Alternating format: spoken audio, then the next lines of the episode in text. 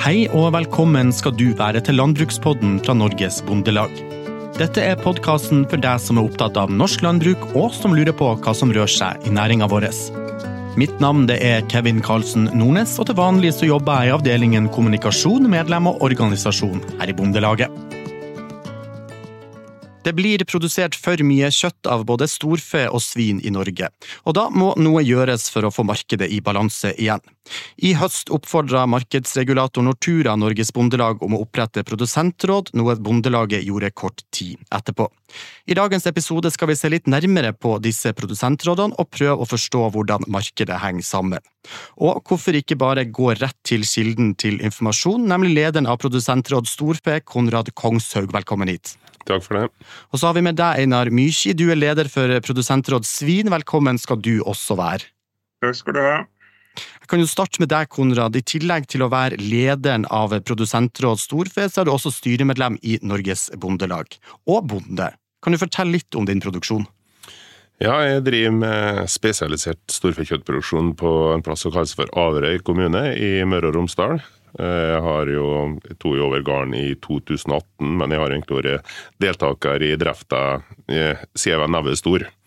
Så eh, jeg driver storfekjøttproduksjon på ammeku, i tillegg til at jeg kjøper inn en 100-150 NRF-kalv i året som jeg fôrer fram. Og så har jeg jo, jeg er jo gift, som, de, som mange av oss er. Og på den gården med kjerringa så driver vi med melkeproduksjon, i tillegg til at vi fôrer opp alle oksekalvene der. Så vi har ganske brei innsikt i det som går på storfekjøttproduksjon. Hvordan er det å være bonde i dag? Det er tøft.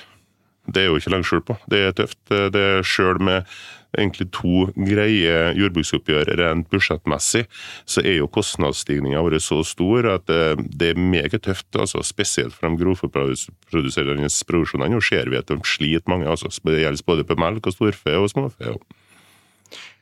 Vi skal eh, høre mer eh, fra deg, Konrad, men vi må jo ta samme spørsmål til deg, Einar. Fortell litt hva du holder på med til vanlig. Ja, jeg driver jo, holder jo til i Løten da, i Innlandet, mellom Hamar og Elverum. Eh, her driver vi med, kombinert svineproduksjon. Eh, vi la om til SPF-produksjon for uh, akkurat to år siden. Så vi har ca. 80 årspurker, 6-27 000 griser i hver pulje. Og så selger vi ca. to-treaparter av de grisene som smågris, og fôrer fram ca. en treapart sjøl. Tillegg så dyrker vi korn og har eh, såkornkontrakt med Felleskjøpet Agri.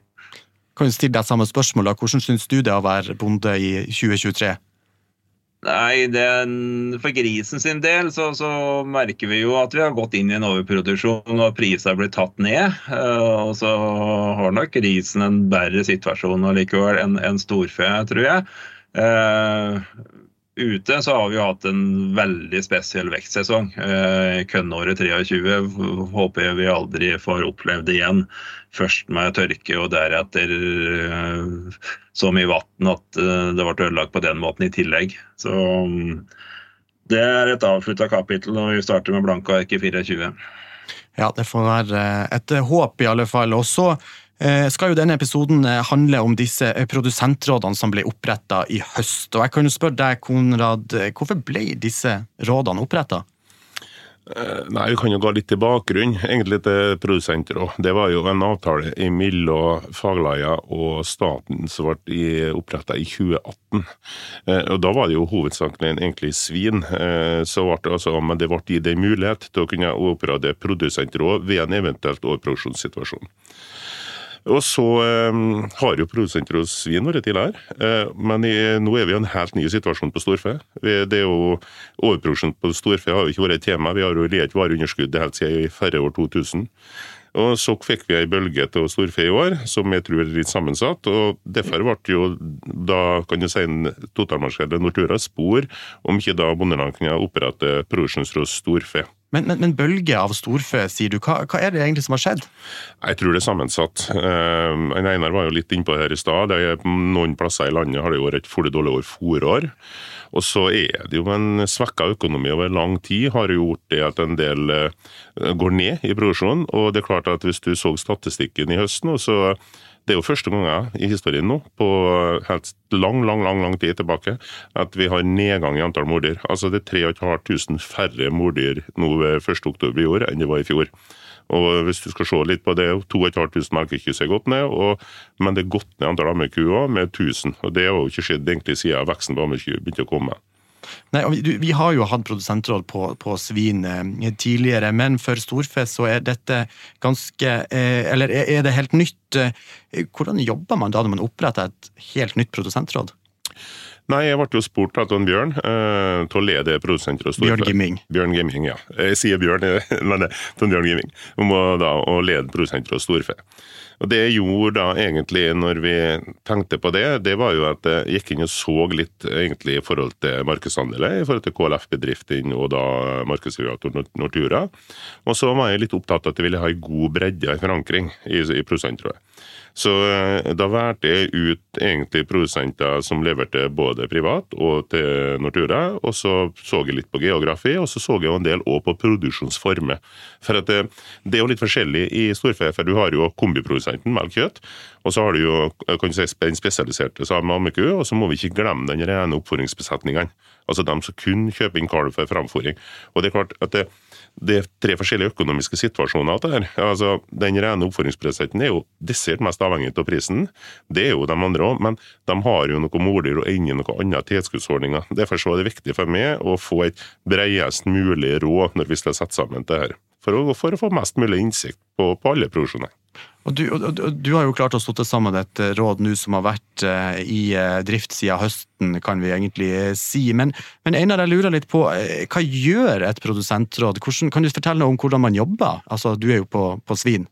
Ja, jeg kan ikke svare for annet enn for, for, grisen. Og det er jo riktig som Konrad sier, at produsentråd på gris har jo en historikk som også går lenger tilbake enn enn det vedtaket i 2018. og jeg vet ikke om vi skal si noe rundt det, men eh, det var jo produsentråd da tilbake rundt 2016, og godt hende vært tidligere, men det har jeg ikke oversikt over. Eh, som har egentlig vært et privat initiativ, og som Norsvin for så vidt også var eh, involvert i. Og som på et eller annet tidspunkt fikk konkurransemyndighetene sine øyne på seg i forhold til at det ble påstått å være et ulovlig samarbeid mellom markedsaktører. Så det var med bakgrunn i det at jordbruksavtalen i 2018 tillot faglaga å etablere produsentråd. Og på en måte sånn sett uh, har vi myndighet for å gjøre det og, og ha tillatelse konkurransemessig. Så, så, så, det var den historikken der. Uh, og, For grisen sin del så ble jo rådet oppnevnt i 2018-2019, men da kom vi jo veldig raskt i, i en markeds riktig setting som gjorde at vi hadde kontroll på markedet. og Dermed så ble vi i praksis lagt passive, og, og har det vært det gjennom koronaperioden og fram til nå. Eh, så når vi fikk spørsmål om å etablere det opp igjen på nytt, da, så var det jo punkt én. Bondelaget eh, utpekte tre av de som sitter i rådet. Der var jeg meg som leder.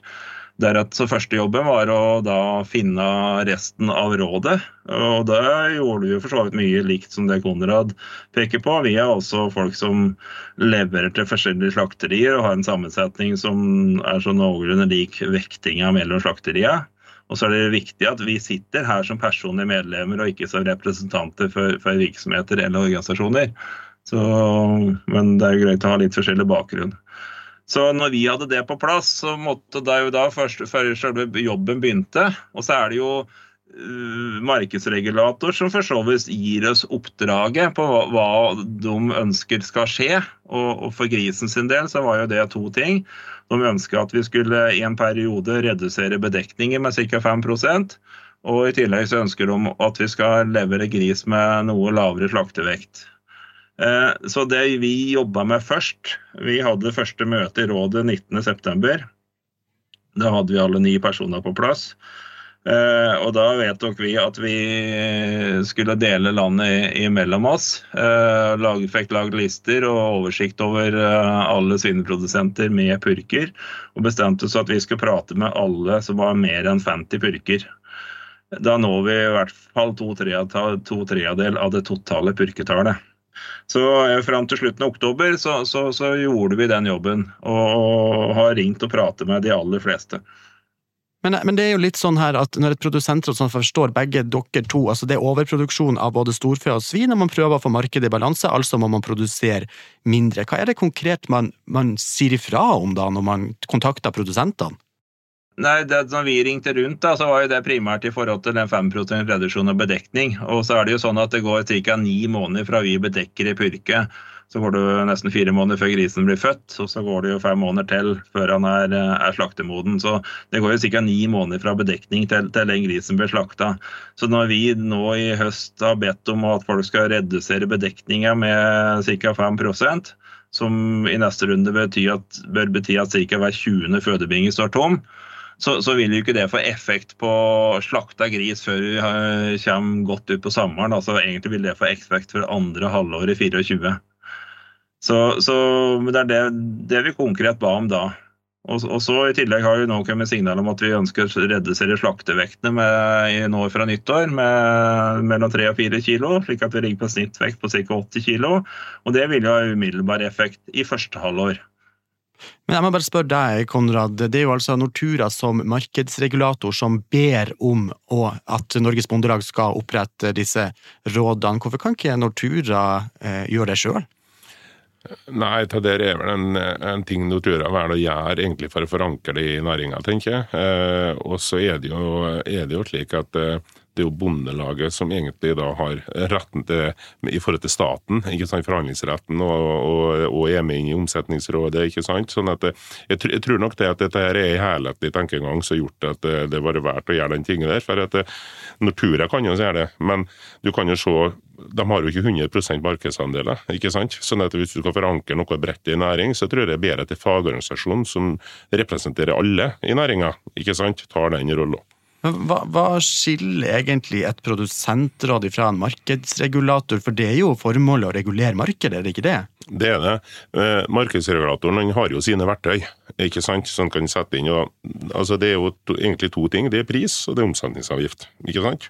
Eh, det blir, hvis du sammenligner med melk, f.eks., så har du jo kvoter. Det har du ikke i de andre produksjonene. ikke sant? Og da er jo det. Og da er jo pris omsetningsavgift. Og det er klart at det går jo direkte på bunnlinja til bonden.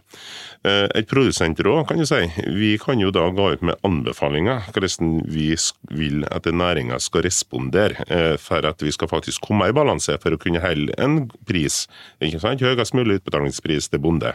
Og, og, Det er jo det som vi har gjort, og når det samme som Einar snakka om. ikke sant? Vi har jo, eh, vi har jo ført råder fra Nortura. Eh, altså, det var jo snakk om å ta ut 5000 kalv, ikke sant? som vil få en langtidseffekt ut i 2024.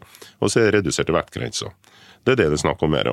Og eh, vi ser jo den responsen som kommer. Det vi har gått hardest ut med først nå, er jo kalv. Eh, og det er klart at Nortura sin andel da, kan jo eh, til den biten er jo 3500, og slik jeg har forstått det nå, så er det ca.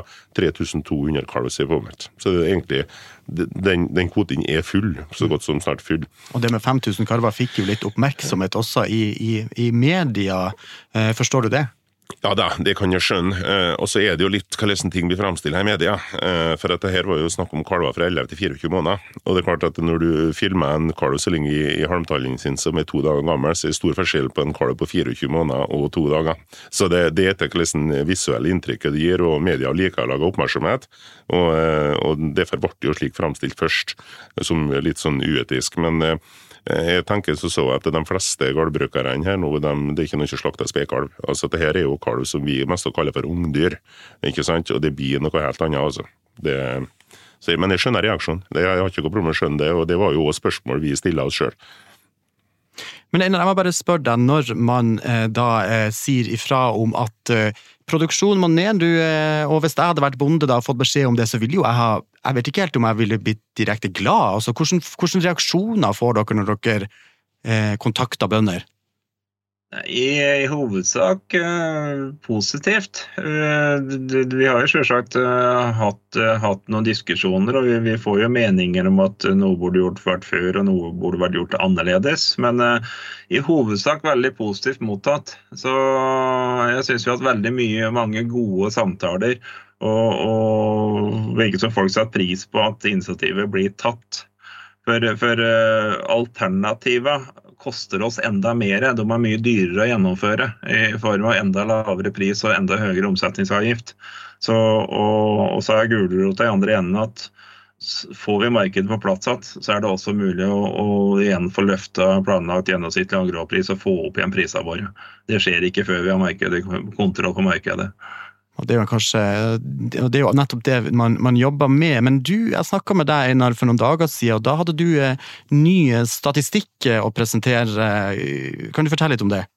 Ja, det, det er norsvin som vi kjøper eh, genetikken av i form av eh, semin eller sæd. Eh, og de fører jo løpende statistikk over, over salget i det norske markedet. Og vi fikk jo tallene for, for november måned som viser at vi, november 2023 ligger 11% lavere enn en 2022. Eh, og så løper de der tallene pluss-minus 2,5-3 opp og ned hver måned. Men når du får en så tydelig endring som 11% så tyder det jo på at eh, budskapet vårt er tatt imot. Så jeg håper virkelig at eh, dette er en trend som, som, fortsetter, og at vi også får bekrefta det når vi, når vi får desembertallene. Og Konrad, du har kalla det dere holder på med uh, og bønder må gjøre for en, for en dugnad. Uh, hvorfor det? Nei, altså, det har jeg sagt. Eh, det er litt på det som går med vekt. Eh, jeg vet ikke om de fleste fikk med seg det første som gikk ut. Det var jo at du la en vektbegrensning på storfe på 350 kilo. Eh, og, det er klart at det er den vektgrensen ville jeg truffet for det urettferdig. De lette rasene, så vi sier altså melkerasene pluss noen raser til, de har jo egentlig i ideell slaktevekt under 350 kilo. Men så kan vi si den spesialiserte kjøttproduksjonen, eh, og spesielt de som driver med tung raser, der har du jo ei ideell slaktevekt som er godt over 350 kg. Og Det har jo med det økonomiske dekningsbidraget dette er ikke sant, i forhold til vekstkurve og fôrbehov og slike ting. Men, men, men det, derfor så det, det traff det ulikt. Eh, når du setter ei grense som var så høy at det egentlig bare 30% av produsentene måtte ta mesteparten av regninga. Eh, ja. Derfor ble jo den grensa heva til 3,75, så kan jo selvfølgelig mange påstå enda at det treffer fôret ulikt enda, men jeg har jo sagt at det er i hvert fall en bedring. Og så er det jo snakk om en dugnad. Altså, for dette gjelder ikke alle. Altså Prisen omsetningsavgifta gjelder ikke alle. Samme hvilken rase du har, det er jo prisløype du følger. Og hvis, litt samme som en Einar sier, hvis vi skal komme fortest mulig tilbake i balanse og ha mulighet til å ta ut mer i prisløp og høyere pris i markedet, og lavere omsetningsavgift, så må alle bidra. Hvis det ikke blir dette et langvarig problem over flere år. Og jeg har jo sagt det, en sånn liten tometodregel. 20 kilo en måned, har jeg begynt å sagt. Altså, en måned kortere oppfòringstid med alle, så fôrer jeg opp enn 20 kilo lettere. Cirka, kan du si. 20 kilo på en måned på tilveksten. Så vil jo vi ha stor sjanse for å få faktisk et markeds i balanse allerede i slutten på 2024. For nå ser vi oppslutninga på kalven, og det forventer å prognosere et høyere salg i 2024. Og hvis vi tar ut det volumet i tillegg på vekta, så har vi stor sjanse for å komme i balanse, slik at vi kan kanskje starte i 25 med med et lager som er håndterbart, som er nesten utligna. Ikke sant? Så, så, i slutten av 2024 så kan vi være på vei, eller nesten ha nådd et marked i balanse når det gjelder storfe? Ja, det er det som er det store håpet. Men jeg må spørre deg litt, Einar. og eh, Konrad snakker om dugnad, og det gjelder jo å få med folk på, altså bønder på laget. Eh, jeg jobber jo litt med kommunikasjon til vanlig, og for meg så høres det ut som en vanskelig kommunikasjonsjobb, nesten. Ja, det vil jo vise seg. Det er klart at uh, Når jeg sa vi er til å ringe de har mer enn 50 purker, så når vi jo sikkert to-tre av purketallet. Men klart at det er enda flere produsenter som har færre enn 50 purker. Og dem er vi avhengig av å nå via, via andre kanaler. Og vi, vi, har jo prøvd å bruke uh, nettsidene våre, bladet Svin, som går til de fleste svineprodusenter, Bondeblad og Nasjon, og, og, og fått ut budskapet der. Vi har deltatt på en god del møter og der, der budskapet har blitt formidla. Så, så, jeg tror at de aller fleste har fått med seg at her, her skjer det noe. Og, og, så er det sånn at skal, hvis du føler at jeg skal bidra, så da er det viktig at du føler at naboen og, og kanskje noen som er større enn deg, bidrar. Slik at, eh, og Det er jo derfor vi bevisst begynte også i den store enden. For, på en måte, Får vi det forankra der, så er det også lettere å jobbe det bredere utover enn å begynne motsatt. Så, så, jeg håper og tror vi skal lykkes med det. Og så trenger vi noen måneder til på å få dommen på det, men eh, jeg har trua. Det er bra man har trua, i hvert fall. Men akkurat nå så er det sånn at vi har overproduksjon av både svin og storfe, og vi prøver å få ned produksjon, og lagrene er ganske full. Likevel så finner man importkjøtt i butikken? Hvorfor er det sånn? Det er jo mange som lurer når de ser at vi har fulle lagre, og så kan de allikevel finne importkjøtt i butikken, Konrad?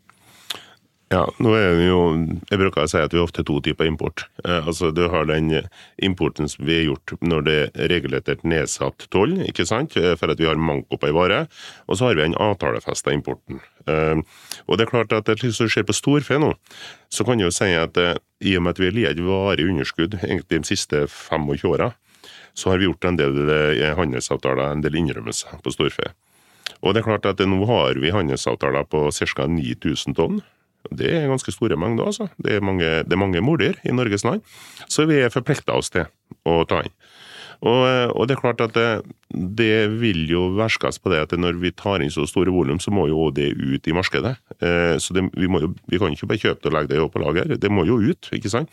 Derfor så vil vi fortsatt finne importert storfekjøtt i butikken. Men til det er avtaler som er varige, som går i handelsavtaler, er forplikta gjennom eh, handelsavtalene både gjennom WTO og EØS-avtalen og Schengen og forskjellig.